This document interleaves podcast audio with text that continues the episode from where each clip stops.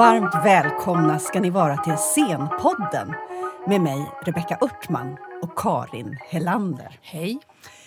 Vi har ju under Scenpoddens historia pratat mycket om utbildning, konstaterade vi. Eller Ja, det har vi verkligen. Både om eh, Simon Norton som talar om skådespelarutbildning men många också gäster som har talat om sin utbildning och hur det har format dem. och så. Det har vi verkligen gjort. Men dagens tema är autodidakt med Shima Niavarani. Varmt välkommen! Tack, hej. Hej!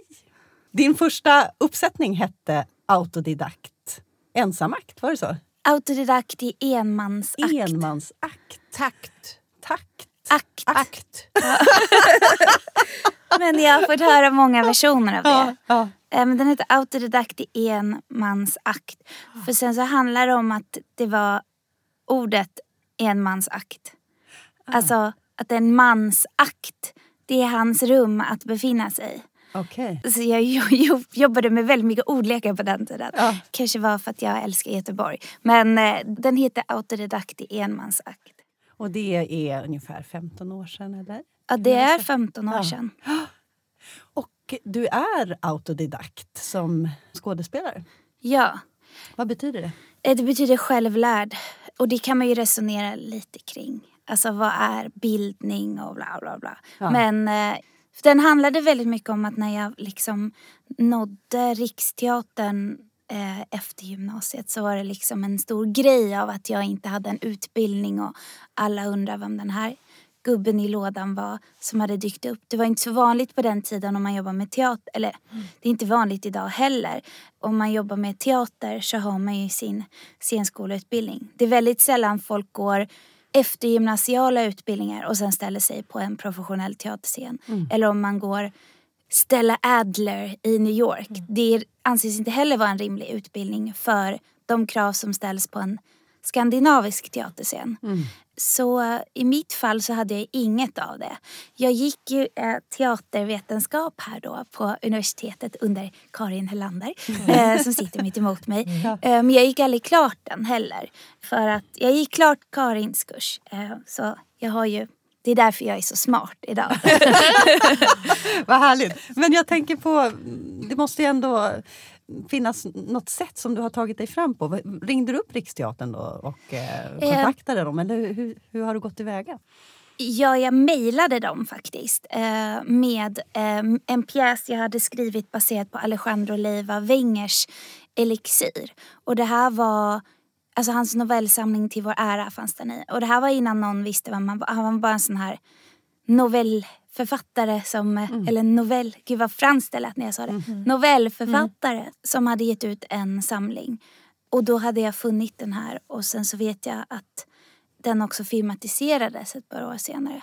Men jag tyckte det var ett guldkorn när jag fick fatt i den i gymnasiet och eh, gjorde en pjäs av den och tillsatte lite andra roller.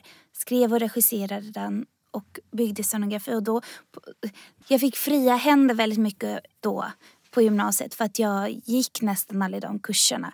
Och då så kom det några en journalist tror jag som kom som kände min teaterlärare som sa varför inte den här på Elverket på Dramaten och det här var på den tiden då Elverket eh, em, gjorde experimentell teaterkonst eller där moderna grejer fick plats. Det var väldigt uppdelat då på den tiden. Eller det kanske det är idag också men då var det väldigt tydligt. Sen så hände det inte mycket med det. Så mejlade jag själv Riksteatern. Jag hittade en avdelning där som riktade sig väldigt mycket till modern dramatik. Och testade bara. De tog ju emot det lite som så här, gumman, kom förbi och ta en kaffe så kanske vi kan ge dig några tips på vägen. Ja. Sen när jag kom dit så hade jag ju en hel pitch. Eller liksom, det var som att det var min första kollationering. Jag visste inte hur någonting funkade. Jag visste bara att, alltså jag, kände, alltså jag bodde i Upplands Väsby hos mina föräldrar. Och det var svenska motståndsrörelsens näste. Det var en väldigt segregerad kommun som delades upp av en järnväg. Ena sidan var ganska vit arbetarklass slash eh, nedre medelklass och den andra sidan var mycket nyanlända och den... Alltså, Jag bodde på Sadelgatan. Är det sant? det är trashområdet. är det? Jag vill inte säga trash för jag vill inte vara så här ifall någon hör och är från Upplands Väsby. Men det var verkligen det var väldigt, trash ja. och typ eh, blandat med... Ja, men, jag kallar det för att jag gick först i Svartskalleskolan, sen gick jag i typ nazistskolan. Mm. Så jag hade inte en bra tid där. Mm. Och isolerade mig väldigt mycket och läste och skrev. Mm.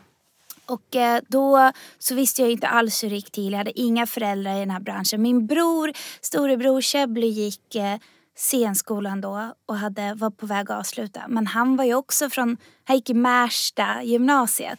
Så att han var inte heller, han var ju väldigt fascinerad över allt han lärde sig. Så han kom och höll stora anföranden och berättade att så här jobbar Fred Hjelm och, och så hade olika anekdoter om olika regissörer och skådespelare. Ja. Men du, jag tänker eftersom Chebly gick... eh, Och Chebly är alltså din din bror. bror, som också är skådespelare. Ja. ja. Det var inte så att du själv tänkte då att ja, men jag vill också gå en sån teaterutbildning, jag vill också bli skådespelare och då behöver jag nog gå eh, på scenskolan? Eller vad, hade du aldrig någon tanke på att du Jo, ville in på en utbildning? initialt ja.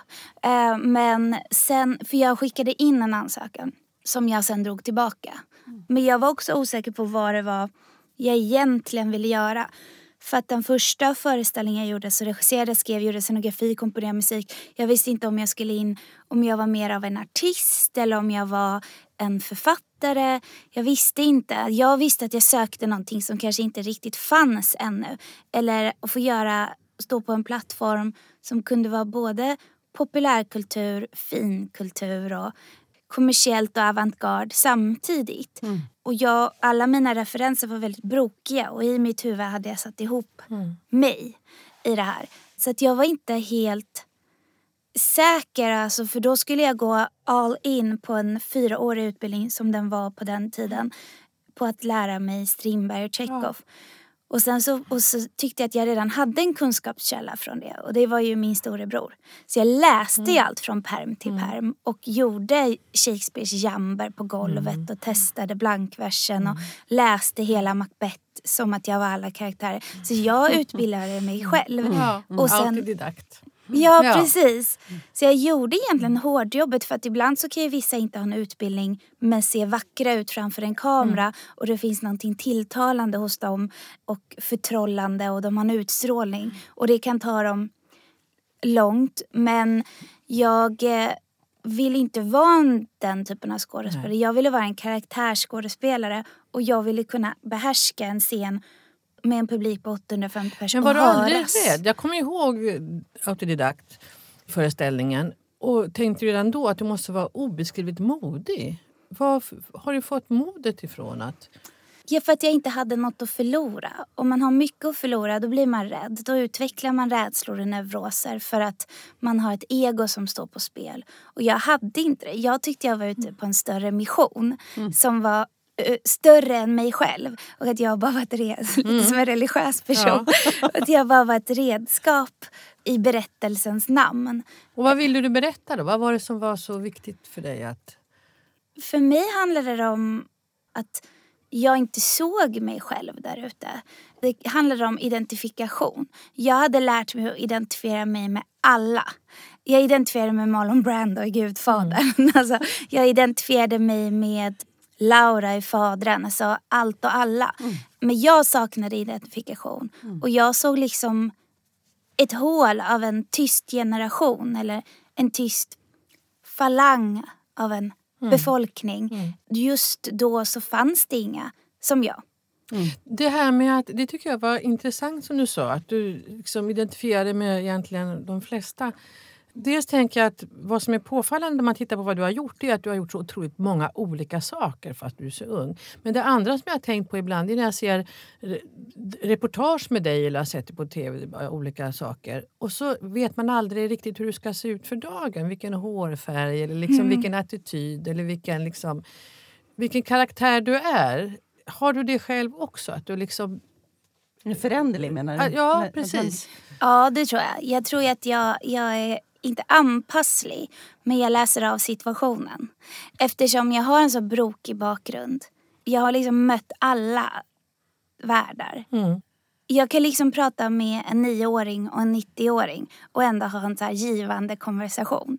Och sen så tror jag att jag ändrar mycket hårfärg, det gör jag. Men det är bara för att jag ändrar... Och inte bara hårfärg, det är liksom attityden, det är liksom looken som Ja. förändras. Kan det inte vara att, att, eh, att du är i en filmsekvens eller någon scen just eller, Nej, men det är inte från. Nej, det är inte bilder. det Nej, jag menar. vet vad hon menar. Det är ju Ja. för att jag är ju Madonna. jag ändrar mig inför varje ny influens som kommer. Nej, det gör jag inte. Men jag har inte tänkt på det så här aktivt att nu ska jag gå ut och tänka ut hur jag ska se ut för dagen eller att jag har... Men jag tänker så här, det jag ville från början var ju att sätta ihop många världar i en. Och det innebär ju att jag är ju väldigt splittrad. Som om jag står på Dramaten så vet jag ju spelreglerna där och kontexten och de sociala koderna. Sen kanske jag väljer aktivt att bryta det för jag vet var jag kommer ifrån och det är inte från samma plats som de kommer ifrån. Men jag vet också hur jag ska prata med folk för att bli förstådd. Men åker jag sen på en hiphop-spelning så vet jag också att jag är typ lite fin kultur men samtidigt så är det där också en del av min uppväxt. Ja, jag har En väl en... flexibilitet som du har i ditt vara då, tänker jag, i, i din personlighet som också kanske du har haft nytta av. I och med att din, liksom, dina genrer är så breda, att du har gjort så väldigt många olika saker. Ja, ja, för mig är det inte, för jag tycker att kärnan är tydlig för mig. Så jag tycker inte det är konstigt att göra en musikal som Bullets over Broadway men typ har gjort tysk teater som föreställningen innan det på Dramaten. Eh, eller stå på Stadsteatern och göra en Jonas Hassan Khemiri-pjäs. Jag tycker inte, för mig inuti, det jag ser egentligen, det är ytorna som är annorlunda. Det är tilltalssättet men vad som händer inuti är inte så annorlunda för mig. Jag tänker också det här med autodidakt, att du...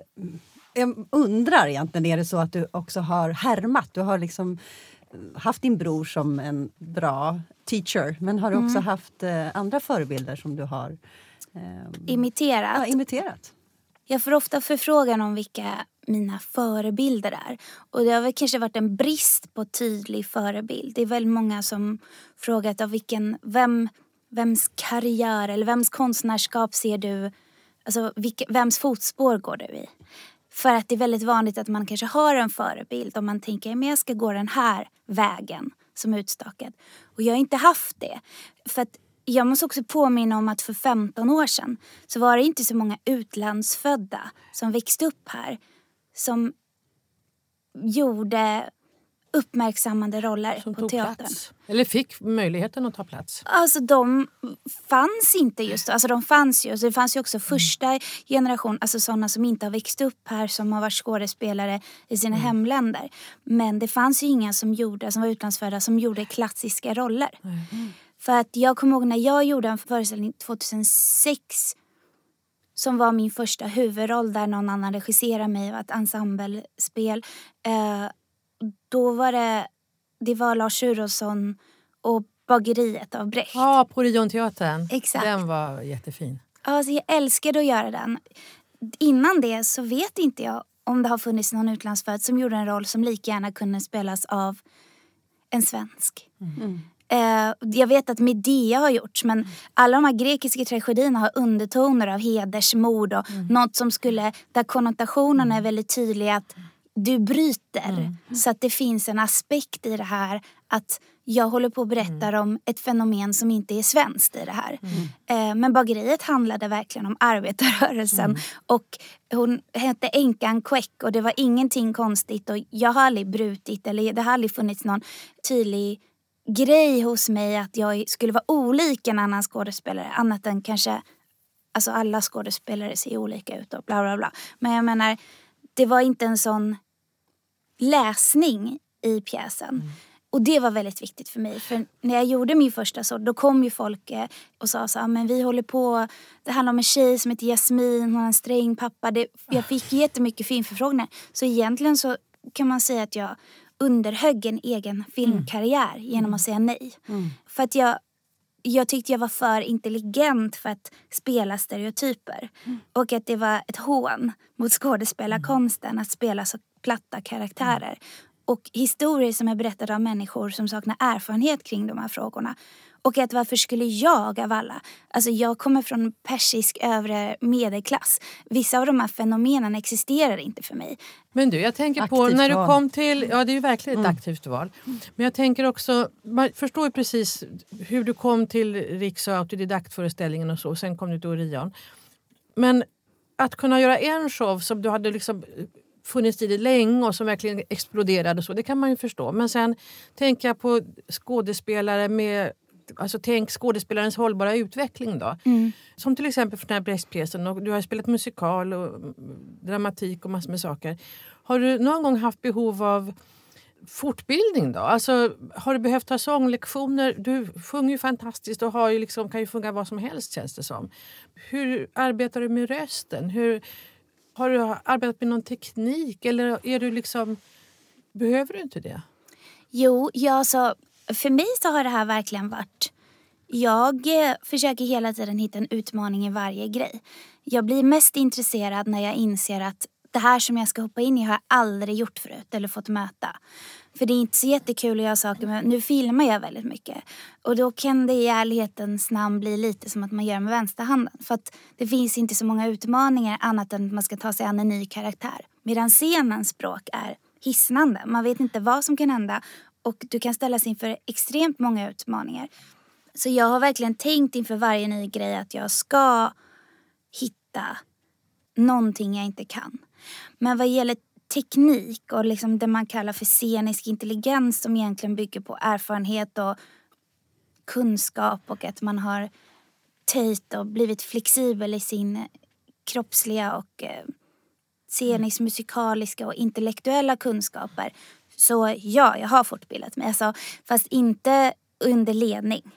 Eh, så jag har väl, eh, vad gäller rösten så har det alltid varit ett väldigt starkt redskap hos mig. För att jag har en väldigt ljus röst naturligt.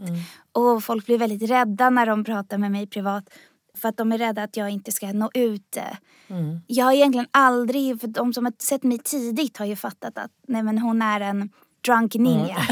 alltså man tror inte att hon kan Nej. Fäktas men sen så lyckas hon ändå nå ut.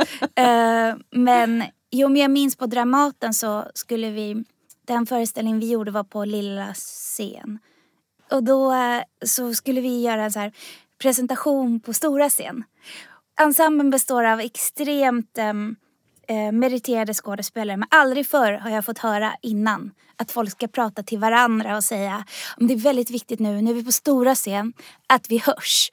Vilket för mig var skrattretande för jag hade ju gjort 15 produktioner på lika stora scener innan dess. Så att jag sa, det är väl självklarhet att man måste nå ut. Alltså man måste ju nå ut. Är det 10 pers eller 1000 pers så måste raden längst bak höra. Så att jag tog det lite med så här, aha, det kanske finns problem inom den här ensemblen, att någon är rosslig eller någonting. Men sen började jag fatta att de var lite oroliga för mig. För att jag pratar så här privat. Så gick vi ut och körde och då lät jag ju jättehögt. Alltså, jag, lät, jag hade en helt annan baston, eh, bottenläge. Ja, alltså jag är ju operaskolad. Eh, så att då var de så efteråt, för det var då jag fattade efteråt. De bara, men gud vad du hörde, alltså du lät ju, vilken ton du har. och då fattade jag ju sen att alla peppade varandra med att nå ut på grund av att ingen ville komma och säga så Shima vi är jätteoroliga för att du inte, för att du har så pipig röst. Vad menar du med att du är operaskolad? Jo, där så har jag ju tagit lektioner. Så att det har ju alltid varit ett intresse. Då skulle vi hitta operalärare och då fanns det inte. Och de flesta kallar sig nog inte för operalärare, de kanske kallar sig... Sångpedagog skulle jag tro. Exakt. Men ögonblicket internet kom så googlade jag och då var det en av de första som hade en hemsida. var en operalärare som egentligen var pensionerad. Och hade jobbat med många alla de här stora och var- varit operasångare i Italien. Han eh, hade jag inte råd med. Så då var det som en grej. Så det första jag gjorde med min första lön från Riksteatern var att ringa den här personen och kolla om han fortfarande levde. Om jag kunde ta en operalektion. Så det varit som en grej. Jag insett efterhand att det var typ ett klass fuck you. Alltså att jag visste att jag visst hade potential att sjunga höga toner och lära mig den sångtekniken. Men jag ville inte att mina min uppväxt eh, brist på pengar skulle göra omöjligt för mig. Mm. Så där har jag min enda skolning kan man säga och det är med rösten. Sen tänker jag på, hur är det då för dig som autodidakt att just komma in i en ensemble? Nu hörde vi det här på Dramaten där de var rädda att du inte skulle höras från stora scenen. Men att komma in i ett, ja, i ett ensemblearbete utifrån och dessutom självlärd. Mm. Hur funkar det? Första gångerna funkade det som att jag var ett ufo. För jag fattade inte vissa saker. Jag hade aldrig jobbat så där i grupp överhuvudtaget. Och jag hade från början inte de koderna till att jag kunde läsa av vad det är folk egentligen menar när de säger någonting. Men så tänker jag, någonting som du har väldigt mycket det är att du har en väldigt sinne för timing. Och det är ju någonting, alltså var, var kommer det ifrån? Är det någonting som du har? Har det med musikalitet att göra? För jag tänker det kan ju också ha med också lyssnande samspel att göra. Att man eh, har ett väldigt fint samspel med dem man spelar tillsammans med. Men det är Extremt. någonting eget också. Har du tänkt på det själv med timing? Nej, inte så jättemycket. Men jag har, jag, teoretiskt har jag tänkt på det. Men jag har inte tänkt på det med mig själv. Alltså jag går inte ens dit. Jag, jag reflekterar aldrig över vad det är jag gör. För jag hatar självmedvetenhet. Alltså, det är ju så fruktansvärt att bli medveten om vad det är man själv gör. Istället för att lita på att det man har, har man och resten får man bygga på. Men däremot teoretiskt så tror jag absolut att det är, alltså, lyssning är allt. Alltså, det är viktigare att lyssna än att säga sina repliker bra. Eller Alltså det är vi- viktigare med reaktion än aktion. Eh, för att har du reaktionen tydlig, alltså om den kommer naturligt, då har du liksom så mycket annat klart. Då har du dina aktioner klara i scenen. Du har din större båge klar för hela pjäsen. Och du vet vem din karaktär är. Då kommer dina reaktioner naturligt. För att en skådespelare som inte tar in vet ju inte riktigt hur den ska ta in. Eller är så fokuserad på vad det är den själv ska driva. Och det är så ointressant att titta på. Så lyssning är allt. Och lyssning är också viktigt för timing för att folk som kanske inte är vana med humor eller som jobbar på ett helt annat sätt säger sina repliker lite olika eller droppar den med en helt ny musikalitet. Och då måste du lägga dina noter och din taktart efter det. Och så är det det andra, det är musikalitet. Jag tror att Funny Bones, precis som musikalitet är delvis medfött. Jag tror att det kommer av så många andra saker som samspelar i hjärnan. Sen tror jag att det handlar om att titta. Det är som om man lyssnar väldigt mycket på en viss musikgenre så lär man sig den genren. Om man tittar jättemycket på människor med extremt bra timing då förstår man reglerna för timing. Mm. Har det varit en metod, skulle du säga, att, att se? Ja. Jag tittar inte så mycket på teater men jag tittar jättemycket på upptagningar från förr och jättemycket på... Jag har ju en annan humorreferens kanske än vad man har i Sverige. Så jag tittar ju väldigt mycket på gammal brittisk amerikansk humor. så att jag eh, har inte varit Hasse och Tage person på det sättet. Jag kollar på Saturday Night Live, Jerry Lewis, Peter Sellers, många av dem. Lucille Ball, alltså många andra. Men det går i samma linje som vårt tema för dagen, tänker jag. Att, att öva sig och att hela tiden vara eh, självlärd och lära sig från grunden. Att producera själv Ja. är ju enormt liksom, svårt men också eh, är det som du har gjort hela tiden. Att lirka dig fram liksom, med, och lära dig kunskap via den hårda vägen. Det är verkligen den hårda vägen för att man måste vara extremt vetgirig och skapa plats i huvudet hela tiden för ny information. Och sätta, gå in i det på djupet. För att det är så hemskt att snudda vid kunskap utan att fördjupa sig i den. För då kan man lita om allt. Men jag vill ju kunna det mesta om allt. Och då, det, det är omöjligt. Men man kan ju alltid sikta mot stjärnorna och nå trädtopparna när det gäller kunskap. Ja. Finns Vad ger det dig att, att ha den eh, kunskapen?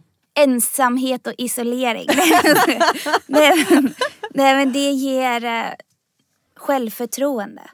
För att då känns ingenting främmande för mig. Sen tror jag att det är lite bra att vara lite korkad. Alltså att inte ha för mycket kunskap. Jag tror typ att människor vinner på det i samhället. Det går så bra för idioti i den här världen. Så att jag tror typ att det är bra att kunna saker praktiskt men inte intellektuellt. Det är min hemska sanning som jag inte stödjer. Men jag tror att världen fungerar lite så att det är jättebra att kunna jonglera och bygga saker, kunna allt det praktiska. Men så fort du ser saker i ett spektra, då har du hela världen emot dig. Om man går en enkel väg och bara gör sin grej, då är det lättare att få uppskattning för då bekräftar man också andra människors idéer. Men inte, nu känner jag att nu går jag igång lite grann. Vad bra, härligt! Börjar svetten Men ja, nu, ja, det känner jag. För jag tänker att är det inte också väldigt lätt då om man inte... Och jag tänker du motsäger dig själv också tänker jag. För att Ja, du är ju jätteintellektuell och du vet precis vad du gör. Jag tänker om man tror på eh, det korkade som filosofi så är väl, är väl och bristen på reflektion tänker jag då, bristen på insikt och bristen på kunskap. Då är också risken större att man hamnar helt fel. För jag tänker att det som du ändå ger uttryck för det är ju en, en kunskapshunger och nyfikenhet. Och då tänker jag att det ger ju, är man kunskapssökande och nyfiken människa då har man också sinne för att kunna se saker, världen, livet, vad det nu är, ur olika perspektiv. Vilket väl ändå måste vara en väldigt bra egenskap för en eh, autodidakt skådespelare, artist, dramatiker, regissör, sångerska, låtskrivare. Jag ska anställa dig som manager. Jag tänkte fråga dig, har du någon, inte för det, men har du någon manager? Nej, jag är villig att signa ett kontrakt här och nu med dig Karin. Men behövs det, behöver du liksom det på Alltså, allvar? Att ha en agent har man ju i Sverige för att det är så krångligt att förhandla när man gör tv och film och läsa avtalen. För att det finns så många paragrafer som man kan snirkla i. Liksom. Om jag ska vara helt ärlig så tror jag, alltså jag har aldrig varit med om att någon fixar ett jobb åt mig. Det är en sak att ha ett bokningsbolag om man ska ut på turné och den prick, liksom, bokar dina spelningar eller turnéer. Men jag har aldrig varit med om att någon ordnar ett jobb. Vilket är också tråkigt för det hade gjort saker och ting lättare. Men, ehm, för det funkar så väldigt mycket internationellt. Att man har väldigt mycket agenter till att få jobb. Eller bli tipsad till saker. Eller bara skjuta sig in i castings.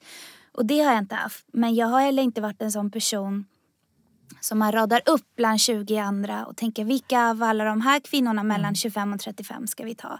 Vilket också är tråkigt för att jag hade gärna getts möjligheter att göra vissa roller som jag ser.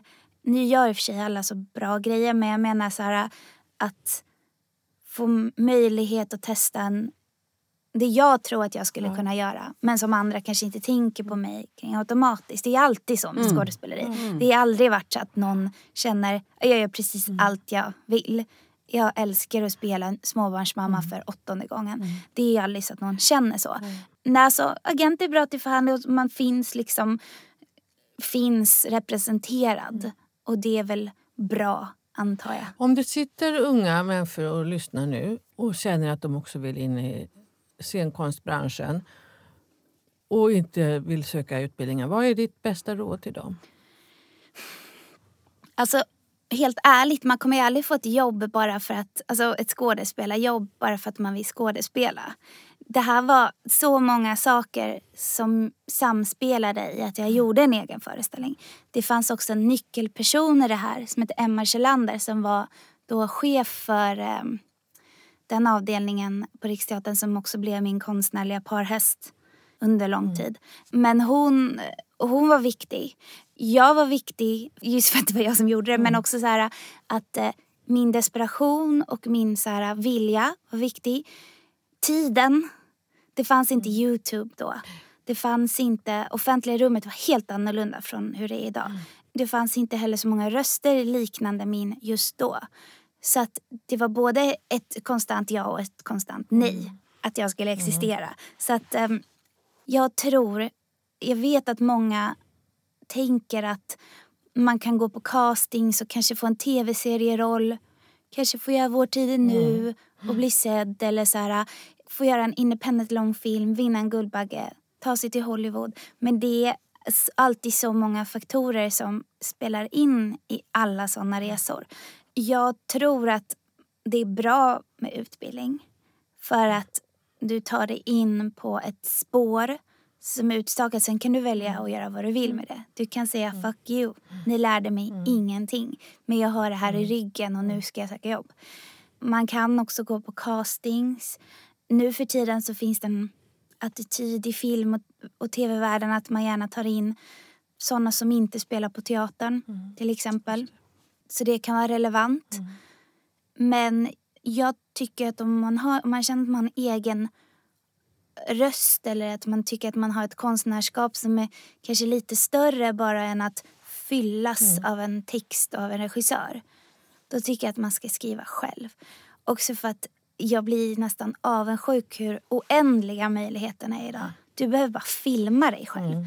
Och sen så kan folk ta till sig av det. Du kan lägga ut vad du vill. Du kan visa alla dina talanger. Och du kan berätta vad du vill. Du kan bara skriva ett inlägg på Instagram om ett fenomen som du tycker är orättvist. Och det sprids. Så att jag tror inte unga människor har det så svårt. Men jag tror inte de har det så lätt heller med det här äh, hållbart Nej, just det. konstnärskap. Att, precis. Och det är också ett brus, det som är nu, men att komma igenom, tänker jag också. Ja, det är det. Dessutom. Men du Shiba, vad har du på gång? Ehm, inte så mycket teater. Jag har pausat lite. Eh, så jag har ju gått över lite mer till tv och film. Det har sina olika anledningar. Tack Shima Niavarani för att du kom till Scenpodden. Du ser lite förvånad ut. Du prickar in mitt namn varje gång. Jag är Absolut. så imponerad. Ja, levt med många iranier den senaste tiden. Har du? Ja, Good for you. good for me. Och tack Karin. Tack själva. Tack Karin och Rebecka. Ni möter oss igen om ett par veckor. Då med en ny spännande gäst. Missa inte det.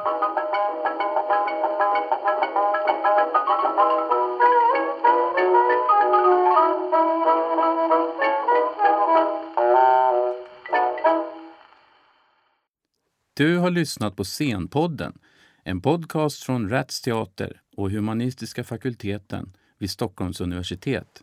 Podden spelas in på Språkstudion och tekniker är Henrik Nordgren.